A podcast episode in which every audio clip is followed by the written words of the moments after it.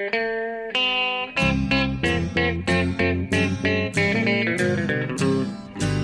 out there, we're on the air. It's hockey night tonight. Tension grows, the whistle blows, and the puck goes down the ice. The goalie jumps and the players bump, and the fans all go insane. Someone roars, Bobby scores at the good old hockey game. Oh, the good old hockey game is the best game you can name. Hallå, hallå, hallå, hallå, hallå, hallå, hallå, hallå, hallå, hallå. Ja, hallå i sensommaren. Här slår vi plötsligt till med ett eh, överraskande podcastavsnitt. Ja. Eh, I eh, NHL-podcasten då med Jonathan eh, Hallåmannen Ekeliv som vi hörde där. Hallå. I sin, sin fina ramsa i Stockholm. Och eh, mig då Per Burman i New York City. Egentligen hade vi väl tänkt att köra den här lilla sommarspecialen eh, från Stockholm båda två. Men det har inte riktigt fungerat som det var tänkt. Eh, så vi gör den här på, på traditionellt vis. Ja, det hade ju varit ännu större faktiskt. Vi har ju en ny, rätt så ny i alla fall, poddstudio här på redaktionen dessutom som vi fått inviga för NHL-poddens del. Och det hade ju varit mäktigt. Men eh, överhuvudtaget att du hade kommit hit här för första gången på bra länge sedan. Ja, det är väl två år sedan ungefär du var i Sverige. Inte ungefär, det är precis två år sedan jag såg Sverige senast. Ja, det är så pass alltså. Sommaren, eh, ja det var sensommaren 2019. Just det. Månadsskiftet, jag kom i augusti och åkte eh, en bit in i september tillbaks. Ja, det hade jag ju tänkt nu då. Men tyvärr så eh, var det byråkratiskt strul på ambassaden i Stockholm. Och det sk- skulle visa sig ta tid att få det här undantaget som man behöver för att komma tillbaks hit. Så det, det gick inte.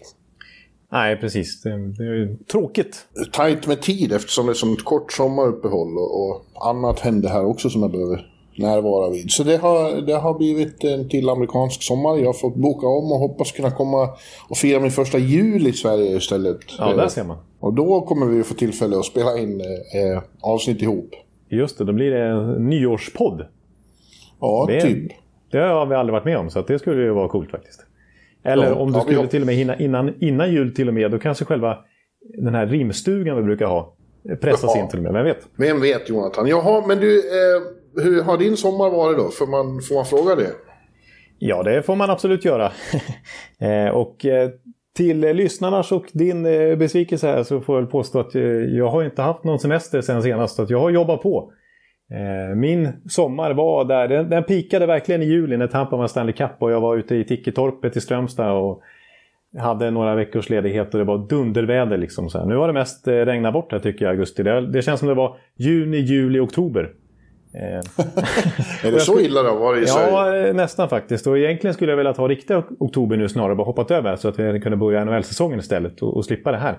Transportsträckan fram till dess som ändå bara regnar tycker jag. Men, nej, men det har varit okej. Jag, eh, jag har haft lite NHL för mig ändå faktiskt. För att det var ju en stor pressträff med massa, ja, alla storstjärnor var ju där i princip. Svenska NHL-spelare, Ja, de hade sitt förberedande OS-läger, eller hur? Ja, precis. Ett slagskott från eh, vår redaktion faktiskt. Och eh, alla var tillgängliga man kunde prata med och så, här. så det var väldigt kul att köta lite hockey med NHL-spelarna. Och jag märkte på mig själv när jag, eh, några intervjuer jag spelade in att ja, det, jag, jag är så dålig intervjuare vet du. Jag, jag, jag går ju bara runt och pratar statistik med dem och så här. Så kommer jag liksom fram till att i efterhand, vad, vad fick jag ut av det här egentligen? Jag, det, var, det var gott snack, men jag vet inte om jag fick ut så jättemycket journalistiskt av det egentligen. Ja, ja. Träffade du Viktor? Ja, en kortis faktiskt. Han skulle Ja. upp till Örnsköldsvik med tåg tror jag faktiskt. Eh, precis innan eh, jag hann stöta på honom. Men vi hann eh, växla några ord. Ja, vad fint. Ja, men det, det var ju synd då att det regnade mycket i augusti. Men, men eh, ja, ja. Helt okej ändå. ja, ja, absolut. Ja, med tanke på hur det började. Eller pikade där i juli redan. Ja, precis. Exakt. Nej, jag är supernöjd. Ja. Ja, jag eh, skulle ju då som sagt ha varit i Sverige, men istället har det blivit en, en riktig New York-sommar. Sen, sen jag kom tillbaka från, från finalen där så har jag faktiskt varit i, i New York hela tiden. Det var ju, siktet var inställt på Sverige då, men så blev inte det någonting. Så det har blivit eh, väldigt mycket hemma i New York. Ja. Eh, Det har haft, jag har haft väldigt kul, får jag säga. Det har varit eh, mycket partaj. Ja, ja jag kan tänka mig. det, har, jobb, det har varit en del att skriva och så i alla fall. Men eh, ja, det- Jam, jam, jam, jam. Ja, ja, men alltså, är det någonstans man kan kanske befinna sig en längre period utan att det är allt för hemskt, då är det väl i New York, känner jag. Ja, och det har varit hett och härligt och, och, och, och ångande nätter. Eh, när man har suttit i eh, öppna fönster och sånt och druckit sina eh, läskande drinkar. Skrattat och sjungit och till och med dansat emellan. Är det sant? Ja. Dans, sång och dansmannen Baloo. Precis. Han har man ju sett. Ja, men så sent som i lördag så var det eh, vild dans till eh, Whitney Houstons eh, I wanna dance with somebody på, på en kompis födelsedagsfest. Ja. ja, du ser. Det här vill man ju faktiskt se videobevis på. Det hoppas ja, jag verkligen är arkiverat. Var... Nej, det finns inte. Synd. Det var alla förbjudna att göra. okay. det, man blir för självmedveten när folk har för roligt åt att eh, Äh, sådana som jag dansar. Ja, det hade ju kunnat vara... Det hade man kunnat pika igen för mig känner jag. Men eh, tyvärr, jag får nöja mig med Tampa-titeln. Ja. Men eh, jag tänkte faktiskt, eh, när du ändå pratar om New York och att du har haft det fint där och att det är en stad man gärna vill hänga i. Så, så måste jag göra en liten övergång här för att det största, vill jag påstå, som har hänt sen senast vi pratades, det var ju den här stora två, tre timmars långa podden eh, när vi gick igenom alla lag. Det skulle jag vilja säga är att Henrik Lundqvist, kungen av Manhattan, har eh, valt, ja, valt, verkligen inte. Han har tvingats lägga skridskorna på hyllan. Ja. Ja, det var ju förra veckan eh, vi fick veta det. Och eh, mm. egentligen var det väl ingen, eh, ingen sensation att en eh, 39-åring som tvingas till open heart surgery och missar en hel säsong. Att mm. eh, bli så. Men det var ändå eh, ja, det var vemodigt och ledsamt och det kändes som en en stöt av vemod gick genom Manhattan. När kungen kliver ner från tronen på riktigt. Vi, det blev ju liksom ett litet farväl redan när han köptes, när han köptes ut mm. och, och sedermera skrev på för Washington. Men då mm. skulle han ju ändå, var ju roligt så tillvida att han skulle fortsätta i en ny klubb. Och det såg man ju väldigt mycket fram emot det där att han skulle spela för Washington förra säsongen. Ja, precis. Det, det gjorde man verkligen. Alltså, och, och snacka om att... Alltså, jag sa, jag sa precis, jag råkade försäga mig och säga att han valt att lägga om. Men det, det, är verkligen så att han inte har valt det själv. Det kändes som att han verkligen ville komma tillbaka. Han, han fick en nytändning med det här eh, Washington-kontraktet. Och, och, även när liksom, hjärtoperationen kom och under våren när han liksom, försökte ta sig tillbaka. Alltså, jag läste uppgifter om att eh, hans polare, gamla Rangers-kompis Aaron Burrow stod och sköt. Det kunde vara tusen puckar per dag på honom ett tag. När de tränade privat. Han körde stenhårt och märkte verkligen så att Henke går ju all in för att komma tillbaks och komma tillbaks ännu starkare än man var innan operationen och innan eh, sista Rangers-åren. Liksom. Att han har inte gett upp karriären alls. Men så kommer de här medicinska beskeden att du får faktiskt inte fortsätta. Nej, åtminstone så om du fortsätter så är det med, med viss risk. Ja. Och det är klart att, att han... Det kloka är att hälsan går först som alla säger. Precis, och färgad av den här sommaren som Henke Lundqvist själv var inne på också när vi sett vad som hände med Christian Eriksen. Är, man, man, kan inte... Man måste ta hjärtfel på allvar liksom. Ja, verkligen. Ja, men eh, det känns ju som slutet på en era. Eh, framförallt för honom, men jag måste ju... Jag blandar in mig själv i det här. För mig är det ju verkligen slutet på en era som började hösten 2005. Jag har följt honom från första, första minuterna i Rangers kasse till nu. Ja, det är det som är så sensationellt med just... Du har ju verkligen extrem koppling till honom, får man säga. Ja, det känns som att han och hans karriär här har, har definierat min tid i USA. Så det känns eh, eh, lite ödesmättat och underligt. Eh, mm. jag, har, jag har honom att tacka för mycket. Att jag är här. Om det inte hade varit för honom så är det mycket osäkert om jag hade varit i USA och varit NHL-korre fortfarande. Ja. Det är faktiskt sant. Och, och det är... Ja, jag, jag, kan bara uttrycka mitt tack för det. ja, det, det är faktiskt på den nivån. Ja. Ja, du har ju redan skrivit det här, eh, formulerat i krönikor och så vidare. Både när han blev utköpt och även nu när beskedet kom att han faktiskt lägger av. Hans betydelse på Manhattan för alla New Yorkers. Så, så, så som, eh, som han verkligen... Alltså han är ju King Henrik. Att få det smeknamnet på Manhattan och nå ut som en storstjärna som hockeyspelare, inte basketspelare eller amerikansk fotbollsspelare. Det är få förunnat. Ja, nej, det är ju så att eh, hockey är inte så jättestort här. Det är, det är baseball, basket och fotboll är mycket större. De enda gångerna det blir riktig feber kring, kring hockey är om Islanders eller framförallt Rangers kommer i närhet, går långt i slutspelet och börjar närma sig Stanley Cup-final, då, då hamnar hockey i fokus ibland. Mm. Annars är det eh, ganska lite uppmärksamhet kring hockey. Och, men, men Henke bröt ju igenom den där barriären på något vis och blev stor. Han blev större än hockey själv. För att, på grund av sin personlighet, på grund av att han är, var så bra förstås, men också att han har en, den här eh, generella stjärnkvali stjärnkvaliteter som, som New York älskar. Så han vart King Henrik med alla. Mm. Och eh, det blir ett eh, tomrum efter honom. Det säger ju något om hans status att eh, när beskedet kom så tog det mindre än en timme så gick Rangers ut med beskedet att hans tröja ska pensioneras kommande säsong. Ja, bara en sån sak. För, alltså, det har säkert hänt några gånger tidigare, men det är inte många exempel på i alla fall att klubbar går ut så snabbt och bara säger din tröja ska rakt upp i taket här. Och speciellt när det är liksom Madison Square Garden. Det är en Original Six-klubb. Liksom. Ja. Eh, och det är inget snack om att den här killen ska upp i taket. Trots ju, vilket vissa belackare har emot Henke Lundqvist då när han ska jämföras i ett historiskt perspektiv. Han har ju, han fick ju aldrig lyfta Stanley Cup-bucklan som han allra helst ville.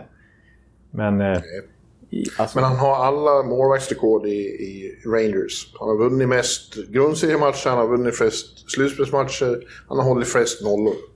Precis, och vilken betydelse, alltså vi pratar liksom för hela hockeyn i New York och hans som personlighet som liksom trängde ut och stjärnglans och reklam och allt. Liksom, man fick snacka om face of the franchise. Men rent sportsligt och på isen, alltså innan Henke kom till eh, Rangers, precis när du kom till New York, så, så hade de missat slutspel sju raka säsonger.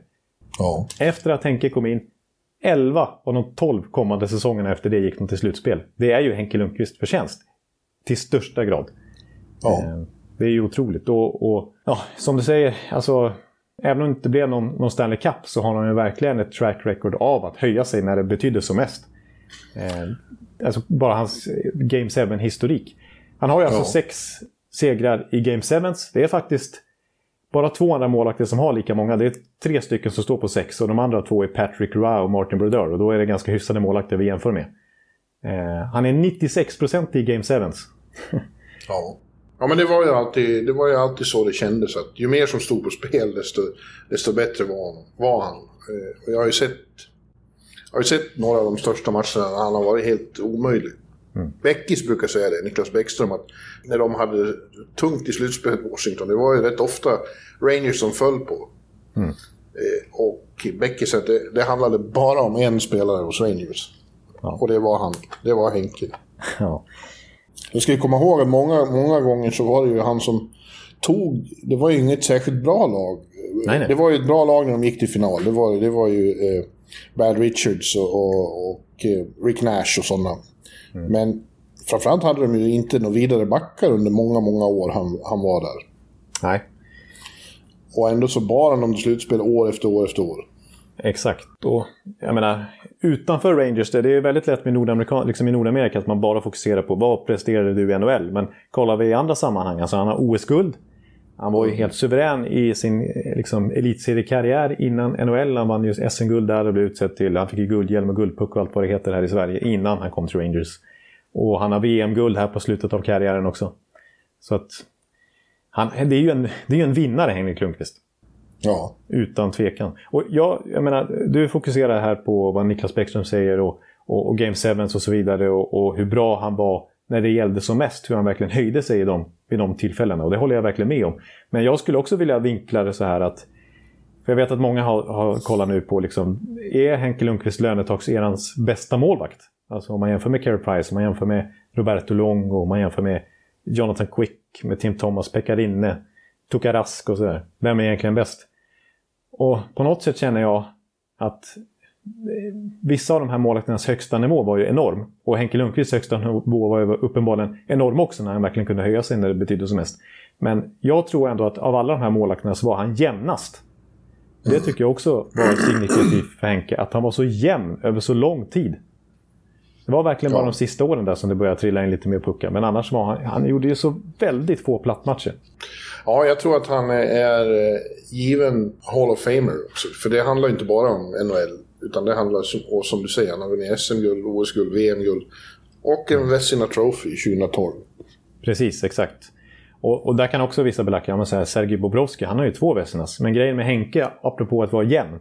Tio gånger var han som lägst sexa i Vesna Trophy-omröstningarna. Det tyder ju på att man håller en väldigt hög nivå. År efter år efter år är minst sjätte bästa målvakt i NHL tio gånger. Ja. ja, det är en av de stora svenska NHL-karriärerna vi pratar om, utan tvekan. Han bidrog också till att höja intresset i Sverige för NHL. Innan 2005 så var det... Ja, det fanns ju rätt många som tyckte om NHL, men det exploderade intresset hemma. Det kände ju vi på tidningen också. Ja, ja exakt. Och det, det känns som att han har...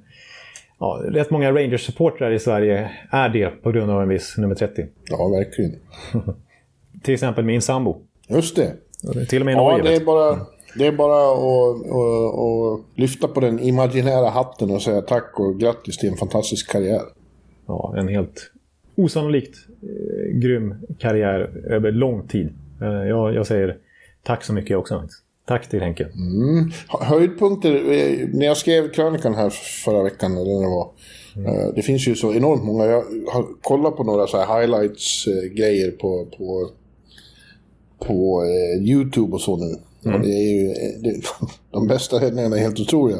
Men man kommer ständigt tillbaka till den här propellerräddningen eh, i Game 6 i konferensfinalen 2014 mot Montreal.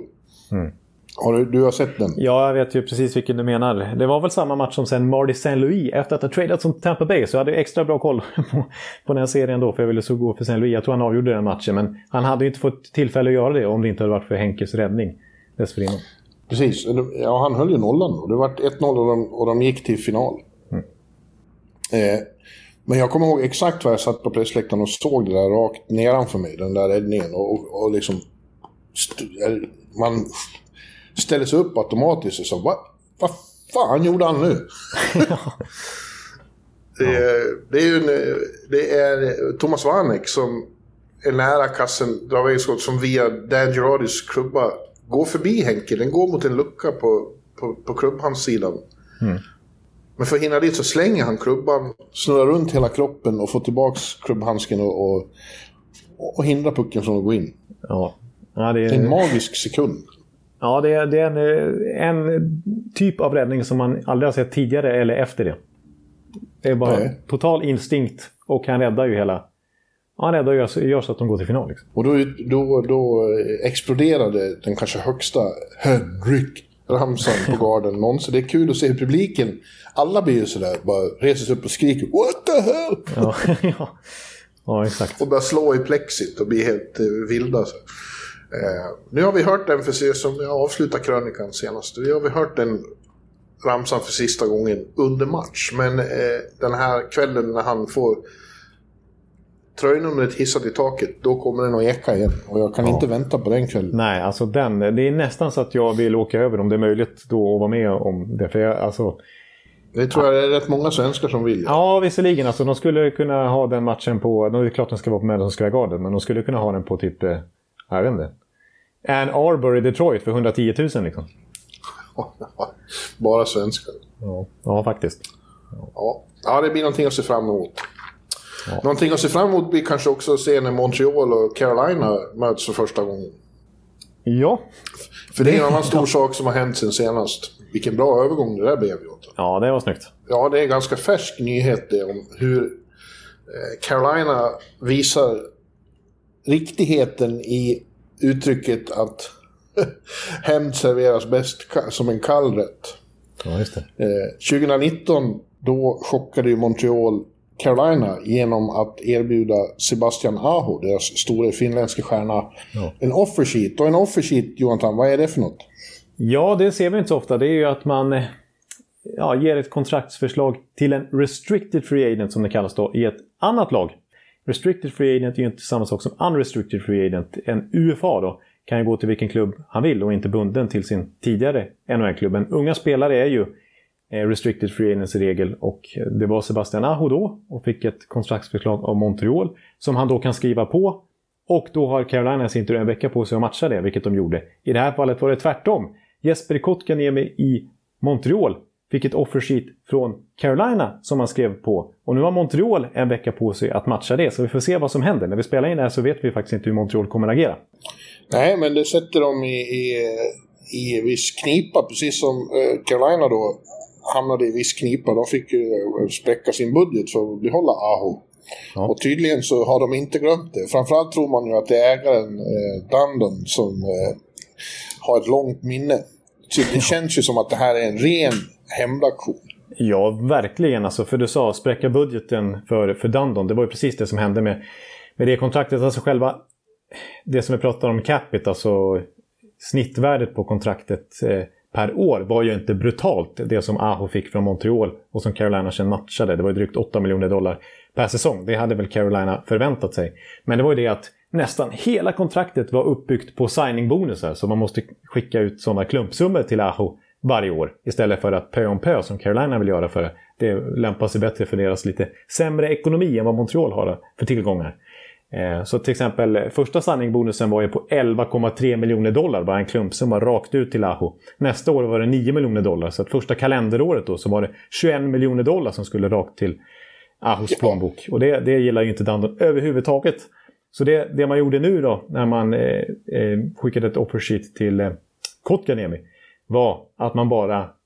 man ville inte ge någon, någon signingbonus alls då, men symboliskt så ska Kotkaniemi få 20 dollar i, i signingbonus. Och vad är, vad, vad är det för någonting? Ja, 20, det är ju Ahos tröjnummer. Ja, det är ju en pik och en hälsning så god som någon.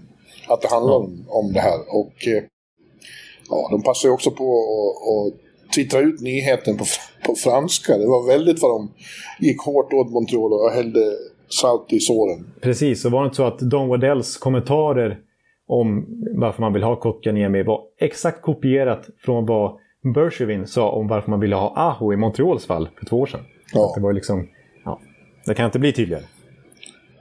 Småsint tyckte många, tyckte somliga, men de flesta tycker att det här var otroligt roligt. Ja. Att NHL behöver mer av sånt här och jag får hålla med om det senare. Alltså det, eh, den här sortens drama livar ju upp. Det är alldeles för snällt. Det är alldeles för få sådana här offersheets överhuvudtaget, tycker man ju. Ja, precis. Alltså det finns ju många offersheet kompatibla eh, spelare här som fortfarande inte har skrivit på något kontrakt, alltså restrict free agents. Vi har ju flera svenska exempel, inte minst i form av Elias Pettersson och Rasmus Dahlin som man skulle kunna ge ja. ett offersheet nu och som kanske Vancouver i alla fall ja, Buffalo till viss del också skulle ha, kanske ha svårt att matcha beroende på vilket bud man kommer med. Eh, men vis, alltså, innan det här offersheetet till Aho 2019 så hade det gått sex år innan vi senast såg ett offersheet. Så det är verkligen ovanligt och jag håller med dig. Det, det, man vill ju se fler, mer av det här. Ja. Vancouver säger sig vara medvetna om risken eh, för ett offersheet på Elias och eh, säger sig vara, vara beredda och rustade och ha en plan ifall det sker. Ja. Men Rasmus, ja, tänk vilken, vilken, eh, vilken lycka det vore för Rasmus Dahlin om han om någon tog honom. Bort från Buffalo, ja verkligen. Han skulle ja. nog inte tveka så jättemycket på att skriva under ett sånt offersheet, det kan jag tänka mig. Men eh, ja, oftast så brukar man utnyttja offersheet när man sätter den andra klubben i en dålig position. Där de faktiskt har svårt att matcha, till exempel som Carolina hade när det var så signing bonus liksom baserat det här Aho-kontraktet då, 2019. Och I det här fallet så har ju Montreal inte tillräckligt med löneutrymme för att kunna Nej. ge Kotkaniemi, vilket ju visserligen är väldigt mycket pengar, 6 miljoner dollar drygt. 6,1 miljoner dollar för ett ettårskontrakt bara då. Men eh, då är det faktiskt så att då är han ju RFA nästa år också, Kotkaniemi, när det här kontraktet går ut. Och då funkar det så att nästa förhandling startar vid 6,1 miljoner dollar. Så han, han, kan inte gå ner i lön efter det. Utan... Eh, mm. Nej, och frågan är om Montreal tycker att han är värd de pengarna. Förmodligen inte va? Nej, jag tror de hade snackat om att få honom för ungefär 2,5 miljoner. en tredjedel av det här. Ja. Mm. I, I det avseendet så är väl Carolinas agerande lite underligt. Han är inte riktigt värd de pengarna. Men eh, mm. vill man ha hämnd så vill man. Ja, precis. Det är det som gör det extra liksom, pikant på något sätt känner jag. För att det är ju ett överbud. Det är det verkligen. Men eh, så det, det, handlar ju verkligen om hämnd. Sen kan det ju också bli bra för Carolina den här. Alltså Kotkanen, det är klart det är en supertalang. Alltså, han gick trea i draften så sent som 2018. Det känns som han har varit med ett tag bara för att han debuterade direkt. Han var ju den första spelaren född på 2000-talet som gjorde mål i NHL. Eh. Så han liksom kom Kotten, in i ligan. som han kallas av svenska Kotten, ja. fans. Ja. Just det.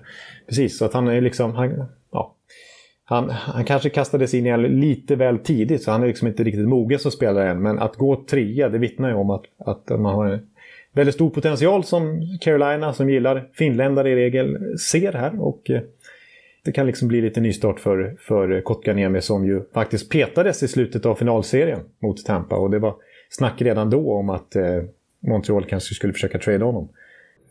Han är ju bara 21 ska man komma ihåg. Och ja. jag, jag, det kommer tillbaka till min, min käpphäst om att tålamodet är lite begränsat i NHL just nu. Har man inte slagit igenom som superstar vid 21 så är man en bast. Jag, jag tycker den synen är väldigt eh, underlig och kortsiktig. Det kan ju fortfarande hända stora saker. Precis. Jag menar Rasmus Dahlin, samma ålder. Eh, är han en ja. bast? Kommer han, eh, är det bara djup på honom också? Liksom? Det, det har gått ja, för kort tid av deras NHL-karriär. Ja, jag förstår inte varför, varför det är så fruktansvärt otåligt. Ja. Ja. Nej, det är ju lika här i New York med Capocaco och Lafreniere. Varför blev de inte superstars på en gång? Alla är inte Conor McDavid. Nej. Nej. Det, är, det är McDavid och Matthews som har förstört det här genom att vara så bra på en gång. ja, precis. Och när vi liksom pratar om ja men oj vad Cale McCarr slog igenom tidigt. Ja men då dröjde det ändå två år sedan hans draftår innan han debuterade i ligan. Så man måste inte ha... Ja, bara för att vissa slår igenom direkt sin rookie-säsong så, så det är lite olika förutsättningar också. Ja. Att, eh, nej, nej, så att eh, vi ska inte ge upp på Kotkaniemi och det är uppenbarligen gör inte Carolina det i alla fall som ger honom det här kontraktet. Vi får se om eh, Montreal matchar, men mitt tips är att de inte gör det. Nej, jag tror inte det heller. Nej. Du nämnde där att det är flera spelare som, som eh, vi inte vet något de har inte riktigt kontrakten, Elias och Rasmus. Det finns ju fler som det pratas trader och så om och att de inte har blivit av, men att klubbarna de tillhör nu det är osannolikt att de fortsätter för dem. Eh, det är framförallt Jack Eichel, men även eh, Tarasenko är ett namn, Kuznetsov ett annat. Ja, precis. Det, det är exakt. Alltså den här Eichel-soppan, den trodde vi väl ändå skulle vara löst senast vi snackades vid. Då, redan då kändes det som att det dragit ut på tiden länge. Och ja, Nu har det gått en månad till och han är fortfarande inte tradad och nu är det ju bara jag menar, det dröjer bara ett par veckor så ska vi börja spela in våra preview-poddar för då har trupperna samlats och, och, det är camp och det är snart dags för pucken att släppas på riktigt. Ja, alla är på väg hit nu. Eh, jag mm. såg att Filip Forsberg satt på planet igår så han är i Nashville nu. Ja, du ser. Eh, Mika gifte sig i helgen och är väl på väg, han också. Ja. Eh, de börjar sina förförsäsonger nu och kör på is här. Och i september börjar ju eh, camperna. Ja, precis. Så att, eh, så att ja, den här, hur ska det här sluta med Aiko? ja, exakt. Och han själv har ju blivit ännu mer desperat sen senast vi talades vid. Han har till exempel skaffat Twitter sen dess. Och inte twittrat så mycket, men han har i alla fall twittrat ut en missnöjd en emoji på ett missnöjt ansikte. Liksom. Och han har bytt agent. Ja. Eh, till Pat Brison, alltså den, den, det är väl den största agenten av dem alla. Den som har flest och störst klienter. Han har ju ja, men Crosby och McKinnon och, och, och, och Tavares och vad är det mer? Kane och Taves och så vidare. Och han har till exempel Elias Pettersson numera som också har bytt till honom faktiskt. Här, mm. eh, nu. Men eh, så att han försöker verkligen få igenom det. Jag, som jag förstod det så var det ett möte den 18 augusti. Ett riktigt liksom, seriöst möte för att reda ut den här situationen. NHLPA, spelarfacket alltså, var där. NHL hade representanter där. Eh, Buffalo hade naturligtvis representanter där och Jack Eichel himself med representanter var där. Och så skulle de reda ut det här nu och framförallt angående hans operation då som de har så olika syn på. Men de kom ja. ingenstans. Och efter det bytte Eichel agent. Och det verkar inte ha hänt så mycket. Det verkar fortfarande vara status quo. Liksom. Och, och Buffalo begär, liksom, vill inte...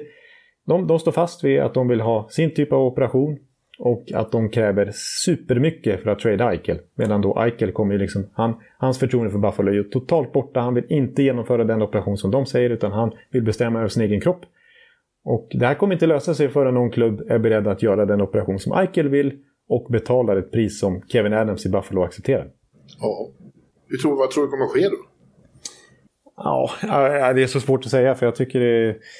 Nu läste jag någonting senast idag om att det borde, liksom att de jobbar för en lösning inom två veckor. Men eh, det har man ju hört flera gånger nu. Så att, eh, jag vet inte. Det, någon kommer ju behöva ge vika till slut. Och förmodligen är det väl Kevin Adams sett som att Eichel vägrar genomföra den här operationen.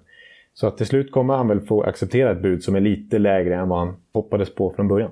Ja, värdet blir ju mindre och mindre ju längre tid som går. Det har vi sagt tidigare. Ja, precis. Och också ju av det faktum att jag menar, Eichel kan ju liksom inte börja träna riktigt ordentligt förrän han har gjort den här operationen. För sen väntar ju rehab. Så att Ja. blir han tradad nu så kommer han ändå inte vara tillgänglig vid eh, starten av säsongen. För först då kan han ju göra den operationen som han själv hade velat genomföra i kanske april. Och då varit eh, fullt frisk vid det här laget. Så att det har ju gjort att han är ännu mer sur på Buffalo. Att de, att de liksom dragit Vilken ut härva.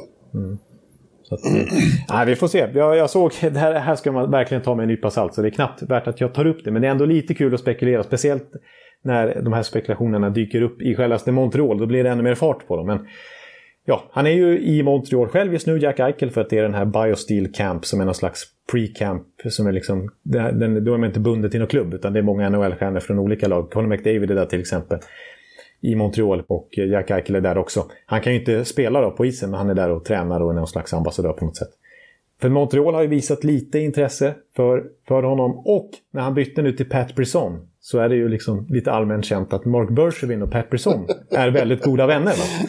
De är liksom... Det är, mycket, det är många som griper efter halmstrån. Ja, precis. Och tänker så här, ja, nu ska, nu, nu ska Bergevin ta ett snack här med sin gode vän Brisson och sen så lösa det här. Och de får ju ett första runda val till exempel om de släpper Kotkaniemi nu i det här offersheetet och det kanske öppnar sig en lucka och ja, du vet.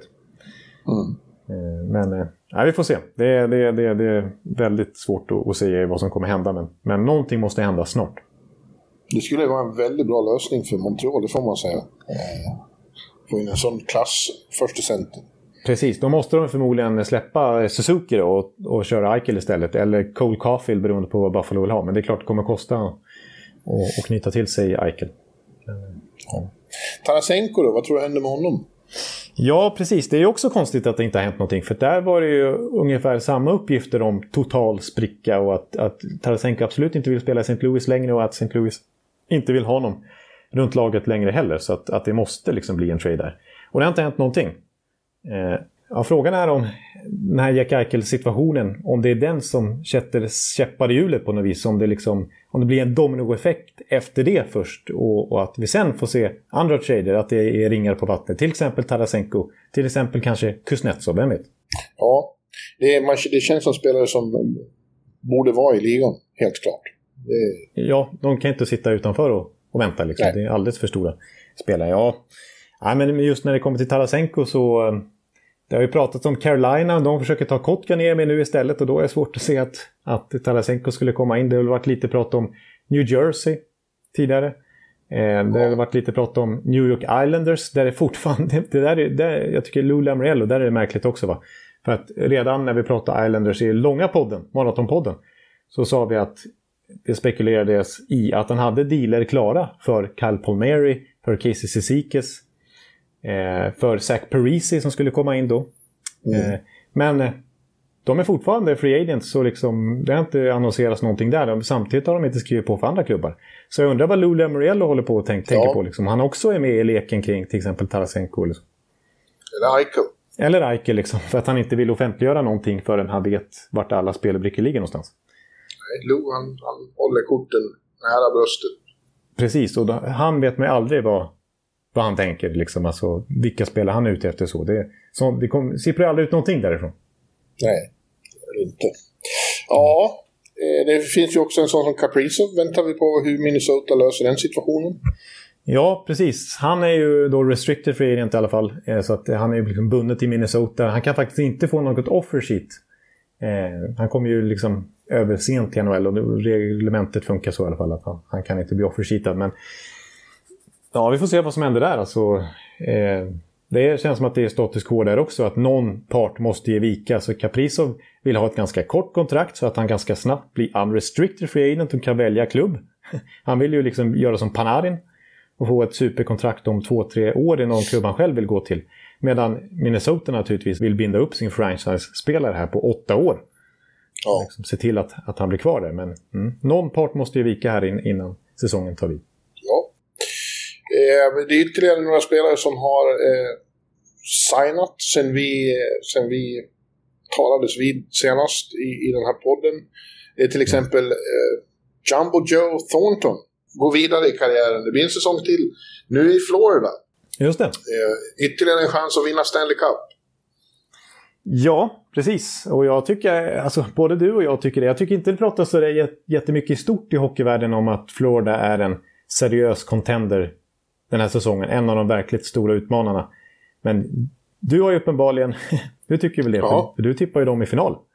Ja, eh, ja mitt allra första tips ja. Ja, ja precis. Och, jag tror att det blir en pris på gamla finalen mellan Colorado och Florida. Ja.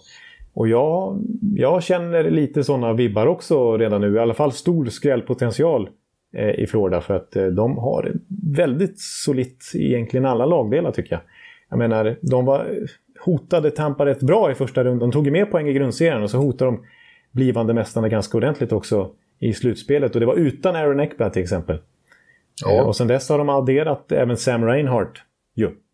Och skaffat sig mer erfarenhet och så vidare. Så att, eh, det går att säga att det var svåraste serien för Tampa. Det kan man argumentera för och det tycker jag nog nästan. Alltså det är ett riktigt bra lag Florida med en eh, stark coach där också i Quenville.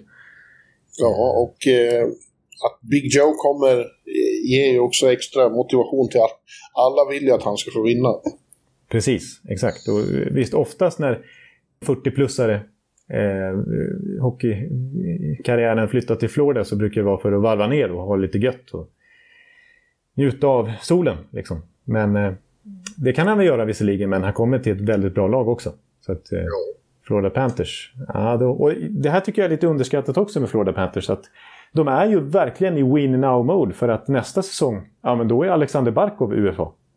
Och oh. året efter det, då är Jonathan Huberdeau UFA. Och de här spelarna är ju gravt underbetalda sett till sitt marknadsvärde kommande somrar.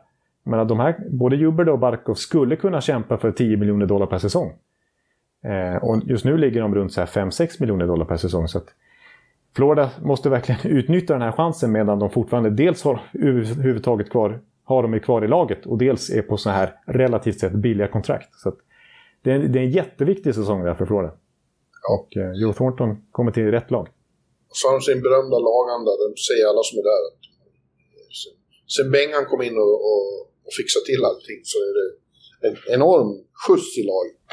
Ja, man, eh, man kan nog inte eh, underskatta hans betydelse heller. Han, och Thornton kommer nog trivas väldigt bra ihop tror jag.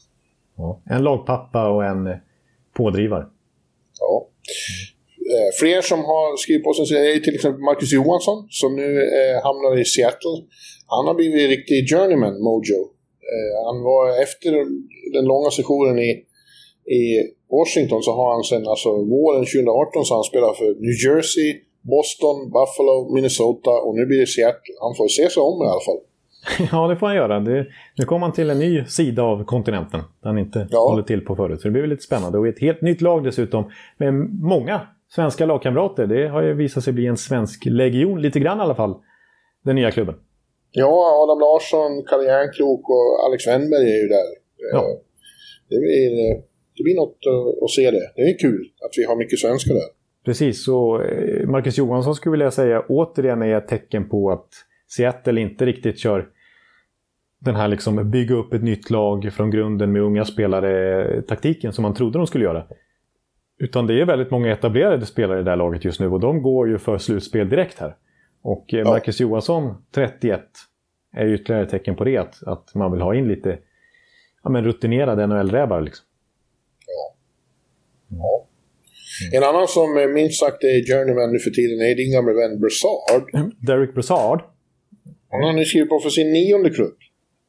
Ja, precis. Så han hoppar mellan rivaler som att de inte är rivaler. Han skiter i det. Liksom. det är, han har ju visserligen kanske aldrig varit någon ikon någonstans, så det är väl inte så jätteupprörande. Men han, han har ju till exempel varit i både Rangers och Islanders.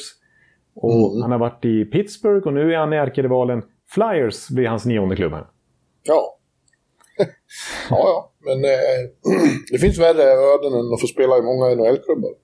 Ja, nej precis. Han ska väl upp i 12 då om man ska eh, tangera Mike Cillingers rekord. Ja, men han tar det svenska rekordet är på 9 som delas av Anders Eriksson och, och Micke Nylander. Ja, just det. ja, det, det där, dit har han nått i alla fall. Så att, eh, starkt jobbat av Derek Brassard, får jag säga. Brassard. Eh, mm. Ja, visst. Jag, jag tycker framåt sett, jag är lite, de har ju agerat väldigt mycket på backsidan. Flyers den off-season och det pratade vi mycket om i det här senaste avsnittet för en månad sedan. Men eh, alltså offensiven är ju stark i Flyers och där tycker jag att Derek Brassard bidrar med, ja, bidrar med lite grann i alla fall i deras bottom six. Alltså, han är ju inte den topp 6-spelare, den första andra kedjecenter som han var en gång i karriären. Men, men eh, han kan fortfarande fylla en roll som en, en eh, liksom, hyfsat eh, poängstark tredje center. Ja. Att, mm. ja. Eh, Tatar har också bytt klubb nu och kommer att spela i Devils. Och eh, det känns som en bra... Eh, det var inte, slutade inte så bra i, i Montreal, men det är fortfarande en, en sniper, Tatar. Och, eh, mm. Han stärker mitt intryck av att Devils kan bli en stor överraskning kommande säsong. Jag tror att det är något väldigt bra på gång där. Ja, ja jag håller med där. Eh, exakt, alltså hans aktier sjönk väl lite här sista säsongen i Montreal när han faktiskt inte var en riktig del av den här Habs-laget som gick hela vägen till final. Han var ju petad liksom. Eh, men eh, det var bara året dessförinnan som han vann interna poängligan och var uppe på nästan en poäng per match. Ja. Eh, så att det, men han är inte lastgammal, han är ju väl född 90, precis som jag. Och det, då tycker inte jag att man är för gammal. Då är man ju där runt 30. ja, då är man ju fortfarande en kid. Ja, precis. Ja. Så, eh, nej men det, absolut. Jag trodde kanske att Tatar, när det dröjde lite, att, att han skulle ja, att han skulle försöka, att han kanske inte skulle ta så mycket pengar utan snarare försöka hitta den bästa situationen. Alltså eh, kanske till Colorado eller något sånt där och försöka vinna en kupp. Eh, för lite billigare pengar man egentligen skulle kunna få i ett annat lag. Men han valde ju då att gå till ett lag med mycket löneuttagsutrymme där han kunde få en rejäl peng. New Jersey betalar ju 4,5 miljoner dollar per säsong här i två år. Så att han får ju marknadsmässigt, en marknadsmässig lön, onekligen. Eh, men jag håller med dig, New Jersey är spännande och eh, Tatar är ytterligare ett bevis på det. Yes. Ett lag som inte känns så spännande däremot är Arizona Coyotes. Nej. Vi har redan pratat om att eh, de har slagit sönder truppen och är någon slags ytterligare en, en djup rebuild. Nu är det också känt att eh, det blir inga fler säsonger ute i Glendale. Ja, just det. The City of Glendale har bestämt sig för, eller arenan har bestämt sig för att eh, nej, de vill inte ha något hockeylag där. Det blir bara en säsong till och sen måste Coyotes hitta ett nytt hem. I, om de blir kvar i, i, Felix-trakten så är det ingenting fansen där har något emot. För att Glendale är, det är ett elände att ta sig dit. Det ligger långt utanför stan. Trafiken är alltid bedrövlig utåt där. Mm. Så blir det någonstans i centrala eh, Phoenix eller ännu hellre i Scottsdale där många älskar att vara och, och där många där spelarna bor och så. Ja. Eh, så eh, men, men jag tror mer på att det här är droppen för NHL. Att nu är det dags att flytta den här problemorganisationen. Och Houston står ju och väntar på ett lag. Ja, precis. Exakt. ja, vem vet. Alltså, det, kan, det kan vara sista, sista chansen här för, för Arizona att de har förbrukat den. Eh, samtidigt, det som talar emot är väl att de 2019 fick en ny ägare i Alex Mirulo som hade väldigt höga förhoppningar kring det här laget och faktiskt redan då hade planer på att bygga, eller det var ett löfte från honom att bygga en ny arena. För det var ju det är inte bara så att det här bråket eh, bara är från Glendales sida och så här, utan det är även det är ömsesidigt då. Eh, och Arizona har planerat en ny arena och Mirulo har velat bygga ner. Samtidigt har han då drabbats hårt av pandemin och blött en av de ägarna som har blött allra mest ekonomiskt. Då och kanske inte ja. riktigt har råd egentligen att investera i en ny arena. Ja, du säger Scottsdale vore bra. Som jag har förstått det så är det längst gångna planer på en arena i Tempe, heter det området. Också ja, relativt centralt tror jag. Eh, men det kommer liksom, den är ju inte klar nästa år. När, när de, liksom, för de får spela i Glendale den här säsongen. Men det är efter det som de måste hitta ett nytt hem. Och, och ja, det, men de, de skulle kunna flytta tillbaka som de var på 90-talet till Phoenix Suns, alltså NBA-lagets hemmaarena, mitt i downtown. Men den, ja. är, den är byggd för basket, så eh, det är lite som Barclay Center, där Islanders spelade tidigare. Att, att det är vissa platser ser man inte ens isen. Nej, eh, Nej det är ingen vidare. Nej, precis. Att visst, räddningen är väl att, att NHL vill se att de bygger en ny arena som är gjord för Arizona Coyotes. Och att de lyckas lösa en temporär lösning i Phoenix Suns hemmaarena något eller några år. Eh, eller i, det finns någon eh, arena som heter Colosseum där, någon gammal 60-talsarena dit de kan faktiskt flytta in något år eller några. Eh, de skulle kunna flytta till Tucson i Arizona där AHL-laget spelar, men då är det bara 8000 som Nej, det går inte. det slutar nu. Precis, så att, eh, nej. Så att det är, visst är det kritiskt läge för Arizona. Det är, så är det bara. Ja. Eh, och ja. som du säger, Houston har tidigare anmält att man är intresserad av ett NHL-lag. Quebec är ju superintresserade av att få tillbaka ett NHL-lag, men deras problem är ju att det är ytterligare ett östkustlag och där har ju NHL kämpat så stenhårt för att eh, få bättre balans mellan konferenserna och då vill man ju inte förstöra den liksom, dynamiken igen nu när man lyckats få ett lag till Seattle. Så att... Houston är en av USAs fem, sex största städer. Jag tror att det är femma. Eh, mm. Det är den största marknad som NHL inte är på. Precis, och där har ju deras NBA-ägare, vad heter de, Houston Rockets. Deras ägare har sagt i alla fall att eh, eh, tidigare, åtminstone för något eller några år sedan, att de är intresserade av att, att ha ett NHL-lag i samma arena och att han kan äga det laget också. Ja, det är go. Mm. En annan diskussion som har förts nu är att det verkar som att NHL tänker tillåta tröjreklam. Just det. Det är många eh, puritaner som eh, verkligen inte tycker om. Nej, precis. Och, och, det har varit en stolthet i amerikansk proffsidrott överhuvudtaget. Att man inte har reklam på tröjorna. Det är en fristad, höll jag på att säga, en frizon. Eh, mm. Och eh, de ska vara klina och snygga och så har det minsann sett ut i NHLs över hundraåriga historia. Fram till kan man väl säga vintras då när det plötsligt dök upp reklam på hjälmarna. Och eh, det visade sig vara en barriär som bröts där, för då dröjde det bara ett halvår så blev det nu plötsligt... Ja, det är väl klubbat att de ska få ha reklam på tröjorna från och med säsongen 22-23. Ja, jag vet inte. Jag, jag, tror att om de sköter det snyggt och inte det blir, inte börjar se ut som i Europa så. Ja. Nej, precis. Här init, initialt i alla fall så är det sagt att man får bara ha en eh, liksom blaffa på sin tröja. Och eh, den får inte vara bredare än 9 cm. Eller högre än 7,5 cm. Ja. Ganska liten i alla fall. Eh, så att, ja. Och vi har ju sett som sagt, i, eller som sagt, det kanske inte var inne på, att i NBA så finns det ju reklam på tröjorna. Eh, sen några år tillbaks. Och det tycker jag är ganska diskret. För de, var, liksom, de, ja. de reklamblafforna är ganska liksom integrerade med mönstret på tröjan eller samma färg så att det inte sticker ut för mycket. Utan det ser snarare ut... Jag menar, på ett sätt är det ju reklam på tröjorna redan nu i NHL i och med att Adidas har en logga på, i och med att de är tröjtillverkare. Ungefär så tycker jag att reklamerna ser ut i NBA, att man inte riktigt tänker på dem. Ja, så, så länge det ser ut så, då är inte det något större problem för mig. Utan tvärtom så inbringar det ju väldigt mycket pengar till NHL och eh, ekonomin repar sig kanske hyfsat nu i alla fall eh, när Seattles inträdesavgift har kommit. 650 miljoner dollar. Och dessutom det här nya enorma tv-avtalet så, som är så enormt mycket större än det tidigare tv-avtalet börjar gälla från och med den här säsongen också. Så att det är till och med snack om att eh, lönetaket faktiskt kan höjas redan nästa år. Trots att det liksom varit klubbat att det inte ska göra det nu på grund av pandemin. Ja, vi får hoppas att, eh, att, eh, att, att ja, håller eh, att pandemin inte tar ny form. Nej, precis. Och inte bara av NHL-skäl då, men även av NHL-skäl. Ja. Ja, vi vet fortfarande inte riktigt hur de tänker sig med, med mediatillgång och fulla läktare och sånt. Det lär väl bli olika på olika platser föreställer jag Exakt, det känns precis. Det väljs nog av respektive delstat. Jag, som du var inne på redan då, kommer jag ihåg, senast vi spelade in, så, så verkar det ju väldigt troligt att det kommer krävas vaccinpass.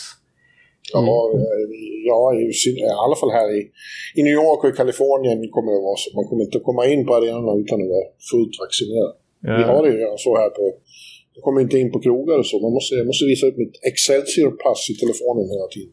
Ja, det ser ja. Ja, jag, jag tyckte mig se någon rubrik på att Winnipeg ska ha så också kommande säsong. Ja, Kanada absolut. Mm, mm. Det kan man nog räkna med. Mm. Eh, vi är annorlunda i Texas och i Tennessee. Ja, där är det lite annan syn på, hållning. på världen. Ja. ja. Du, en, en sak som vi inte tog när vi gick igenom körschemat är att det är mer och mer tydligt nu på att det faktiskt blir NHL i, eh, i OS. Just det. Det har känts väldigt osäkert länge, men eh, beskedet förra veckan var att, att eh, IOK och Internationella Hockeyförbundet framförallt eh, betalar eh, försäkringar som det har varit så mycket tjafs om. Just det. För NHL-spelarna, både rent allmänt och covid-mässigt. Eh, och därför så kommer nog beskedet snart att, att de går för det här. Exakt, exakt. Och NHL har ju gjort det, det liksom officiella schemat just nu, de har ju två parallella scheman, men det officiella schemat just nu, där ingår ju ett OS-break dessutom, vilket är en bra indikation på vart eh, förhandlingarna ligger. Ja, och jag... Eh, fast jag måste säga att jag läste om vilka säkerhetsåtgärder som, som planeras i Kina. Ja. Och känner ingen större lust att åka dit, fast Nej, precis. Det, det verkar vara den hårdaste bubblan vi har sett. Det, då, det känns nästan den NHL-bubblan som var i Edmonton och Toronto rätt så mild i jämförelse nästan.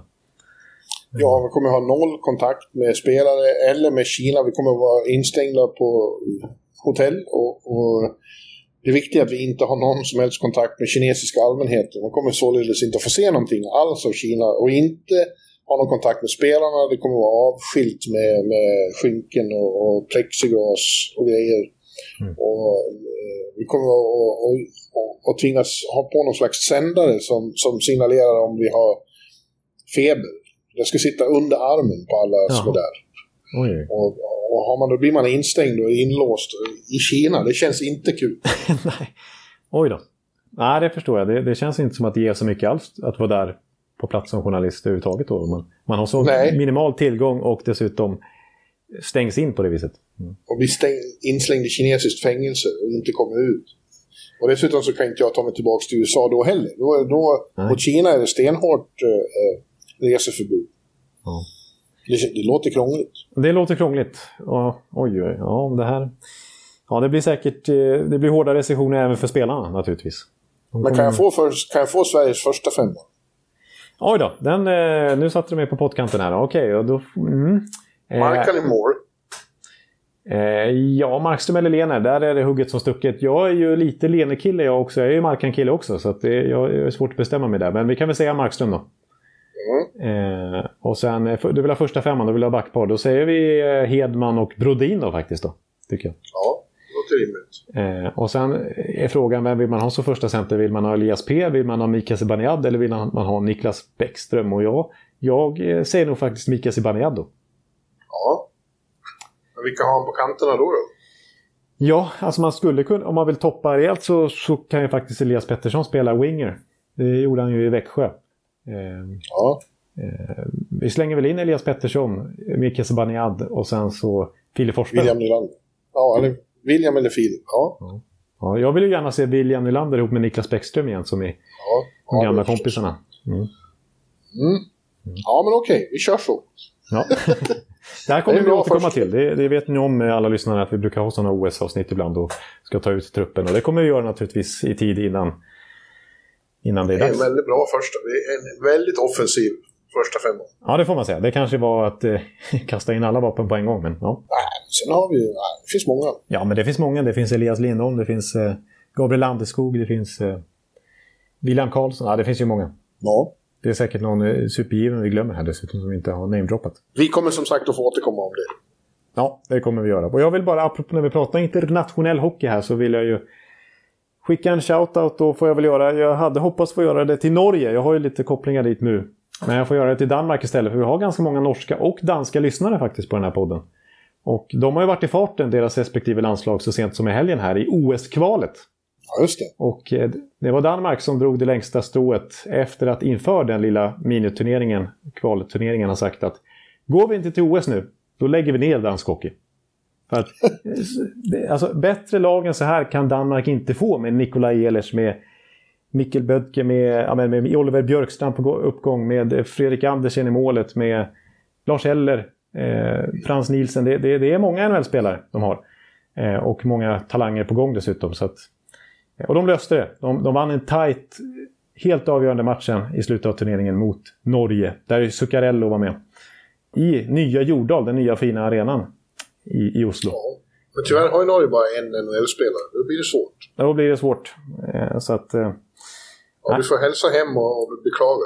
Ja, precis. Så att, eh, ja. Nej, men kan de fortsätta på det här spåret Danmark och kan spotta ur sig ytterligare några NHL-spelare så, så ja, då är de plötsligt att räkna med lite grann i alla fall och kanske kan börja utmana Schweiz och Tyskland och, och Slovakien och sådär.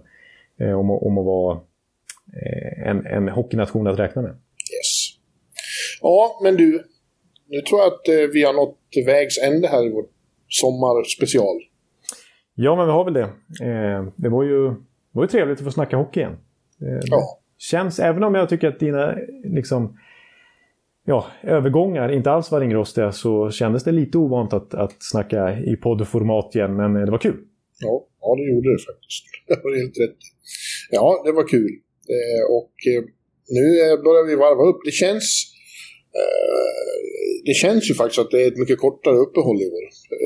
När man har, I slutet av augusti brukar det vara så här, åh, det är aldrig hockey. Men det känns inte, det inte så länge sedan eh, det var finaler och det har hänt saker hela tiden.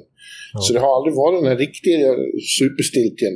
Och nu börjar vi varva upp. De är som sagt på väg tillbaka hit. Jag har börjat titta på mitt stora tips till bloggen och håller på lite med, med Anaheim och så. Så snart kommer eh, Hockey News Yearbook. Eh, ja, en del och, och, så, har, så är det så spännande eftersom det hände så mycket i somras. Alla lag känns ju nästan nya. Ja, precis. Det är exakt. Så att, eh, ja, det blir spännande för att eh, det, jag vet inte hur många bort, veckor bort det är nu. Det är kanske bara två veckor till innan vi sätter oss här igen och spelar in och börjar köra våra preview-avsnitt och verkligen greppa tag om den kommande säsongen. Ja, absolut. Då hörs vi igen. Ni får eh, hoppas ni tyckte det här var okej. Okay. Det har varit lite... Vi har blivit lite jagade på Twitter att det är dags för ett avsnitt. Här var det. Här var det. Och eh, ja, men det var kul. Tyckte vi i alla fall. Och, och hoppas ja. att eh, ni hör oss igen när vi gör oss redo för, för nästa säsong. Vi säger så då Jonte. Absolut. Hej hej! Hej! Hallå, hallå, hallå! Hallå, hallå, hallå! Alex Chiazot, Joe Luis Arena och Esposito. Esposito. Uttalsproblem, men vi tjötar ändå. Och alla kan vara lugna, inspelningsknappen är på. Bjuder Hanna Kohl, han är grym i sin roll. Från Kållesoffan har han fullständig kontroll på det som händer och sker. Det blir ju allt fler som rattar in hans blogg. Och lyssna på hans podd. One, two, three, speed, so Hallå, hallå, hallå. One, two, three, speed, so Hallå, hallå, hallå. Ekeliv, som är ung och har driv. Verkar stor och stark och känns allmänt massiv. Han hejar på Tampa och älskar Hedman. Sjunger som Sinatra. Ja, och det ser man. Nu är det dags för refräng. Dags för magi, Victor Norén. Du är ett geni. Så stand up at home and remove your hats. Höj volym, för nu är det plats. One, two, three, speed, so Hallå, hallå, hallå. One, two, three, speed, so Hallå, hallå, hallå. One, two, three, speed, so Hallå, hallå, hallå. One, two, three, speed, so Hallå, hallå, hallå. Det är otroligt länge sedan båda samtidigt var så här bra. Hallå, hallå, hallå. Det är otroligt länge sedan båda samtidigt var så här bra.